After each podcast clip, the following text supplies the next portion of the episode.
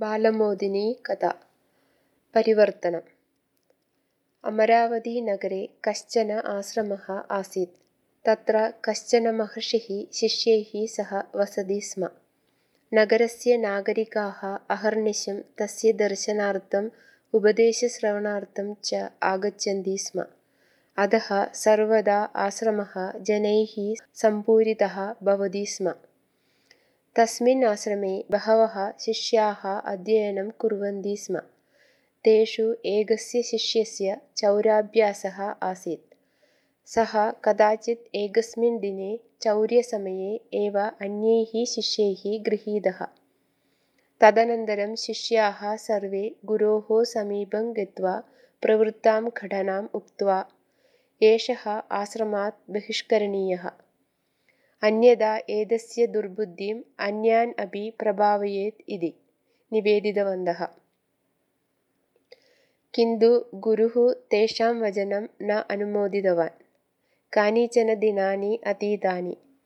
सः शिष्यः पुनः अपि कदाचित् चौरकार्ये प्रवृत्तः जातः। तदवसरे अपि सः गृहीतः अभयत्।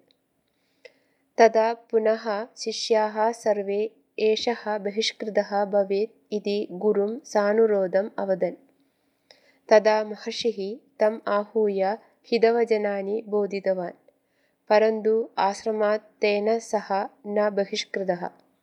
दिनानि अतीतानि किन्तु तस्मिन् शिष्ये दृढतया स्थितः चौराभ्यासः न अपगतः एतेन सर्वे शिष्याः महान्तं खेदम् अनुभूतवन्तः शिष्याः सर्वे पुनः गुरोः समीपं गत्वा।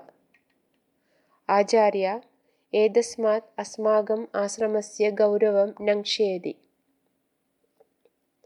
अतः एषः आश्रमात् बहिः प्रेषणीयः एव।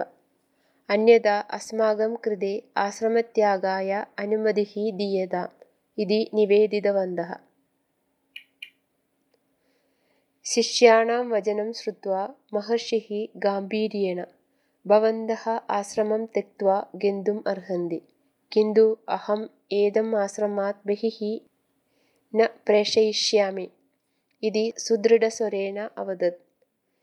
एवं किमर्थं? दोषी किमर्थं रक्ष्यते भवता दोषिणा सहवासः अस्माकम् अपमानाय इति सक्रोधम् अवदन् शिष्याः तदा महर्षिः अवदत् श्रूयतां शिष्योत्तमाः भवन्तः सर्वे उत्तमचारित्र्यवन्तः उत्तमकार्यनिष्ठाः च सन्ति। तस्मात् भवन्तः कुत्रापि गत्वा विद्याम् आर्जयितुं समर्थाः। जीवनं निर्वोढुं चापि शक्ताः भवन्ति। परन्तु एषः आश्रमात् बहिष्कृतः चेत् को वा एतम् आहूय स्वसमीपे स्थापयित्वा विद्यां बोधयेत्। तस्मात् अयं यावत् उत्तमगुणवान् न भवेत् तावत् अत्रैव तिष्ठेत्। अतः भवद्भ्यः सर्वेभ्यः आश्रमात् निर्गमनाय अनुमतिः दत्ता अस्ति मया इति। एतानि वचनानि श्रुत्वा चोरशिष्यस्य मनः परिवृत्तं तस्य नेत्रे अश्रुपूर्णे जाते सः गुरोः पादौ गृहीत्वा अश्रुद्वारया क्षालितवान् शुभम्